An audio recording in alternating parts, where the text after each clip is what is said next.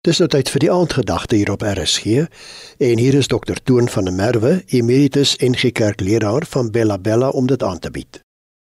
Goeienaand, liewe luisteraar. Graag wil ons weer saam met u in die woord van God gaan kyk na gebeurtenisse in die Bybel wat in die nagtelike uur plaasvind. Hierdie keer gaan ons na 'n plek waar ek en jy nie graag wil wees nie. Ons besoek Paulus en Silas in die tronk in Filippi in die hedendaagse Turkye.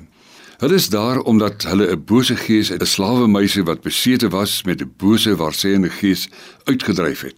Sy het in betaling dinge kon uitlê wat in die toekoms gaan gebeur.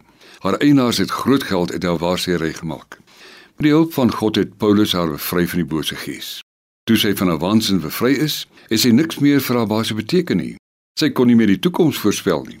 Haar eienaars het woedend vir Paulus en Silas gegryp, die stadsbewoners opgesweep en voor die stadsowerheid gesleep. Hulle is valslik beskuldig van oproer. Die stadsbestuur het Paulus en Silas se klere van hulle lywe afgeskeur en hulle vrede lyfstraf toegedien. Daarna is hulle in die diepste tronkselle gegooi omdat hulle as uiters gevaarlike misdadigers bestempel is. Om net seker te maak dat hulle nie kan ontsnap nie, is hulle voete in houtblokke vasgeklem. Totaal onregverdig en genoeg om weerwraak te sweer, nie waar nie? Die tragiese ding is dat hulle net goed wou gedoen. Hulle het 'n meisie bevry van 'n bose gees waaruit gewetenlose manne geld gemaak het. Sy is bevry, maar Paulus en Silas is gegeesel in die diepste tronk opgesluit. En dit terwyl Paulus 'n Romeinse identiteit gehad het. Om 'n Romein te geesel was om 'n doodstraf te kry. Alles redes vir Paulus en Silas om weerwraak te neem vanweë die onreg wat aan hulle gedoen is. Wat doen ek en jy as ons onregverdig beskuldig word en ons erge en nare gevolge as gevolg van valse beskuldigings moet ervaar? In Suid-Afrika gaan ons na die howe. As die een nie help nie, gaan ons na die ander een of na die pers of sosiale media. Dit jaag ons duisende rande aan regskoste uit die sak. Erns moet ons gekneusde ego bevrediging kry. Maak nie saak hoeveel dit kos of wat hy len ons deurmaak nie. Ons veg om soos ons sê geregtigheid te kry. Al word ek finansiëel en sielkundig uitgeroei. Wat doen Paulus en Silas daar in die donker tronk vasgemaak in houtblokke? Hulle kies 'n ander pad. Die pad van verheerliking, nie vir hulself nie, maar van die God wie hulle dien.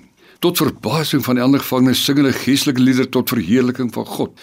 Hulle gebruik hulle vernederinge lyding om God te verheerlik. Die enigste wat nie vasgemaak is in die blokke nie, hulle stemme gebruik hulle. Nie om weerwraak uit te gil nie, maar om lofliedere tot eer van die God te sing. Hoe absoluut anders as ons sogenaamde normale manier van doen lofliedere in plaas van weerwraak gele. Hulle medegevangenes moes seker gedink het dat hulle van loetjie getik is. En die gevolg? Die Here bevry hulle en deur hulle ook die tronkbewaarder. Op die tronkbewaarder se vraag: "Wat moet ek doen om gered te word?" antwoord Paulus hom met die rede waarom hulle lofliedere in plaas van weerwraak sing: "Glo in Here Jesus en jy en jou huis sal gered word." Paulus het nie gruwe gekoester nie. Hy het geweet dat as jy gruwe oor onreg koester, jy in 'n tronk van haat sit wat vir jou nog erger is as die tronk in Filippi. Wil jy vanaand rustig gaan slaap, bevry van haat, weerwraak en naaiwer, bely dit vir Jesus en hy laat jou lofliedere van bevryding sing. Bid saam met my, Hemelse Vader. Hartlik dankie dat daar 'n weg is uit die donker tronk van onvergewensgesindheid, haat en naaiwer. 'n Weg wat U vir ons kom aanwys deur Jesus Christus. Bevry ons in sy naam, in Jesus naam alleen. Amen. Die aandgedagte hier op RSG is vanaand aangebied deur Dr Toon van der Merwe, emeritus NG Kerkleraar van Bella Bella.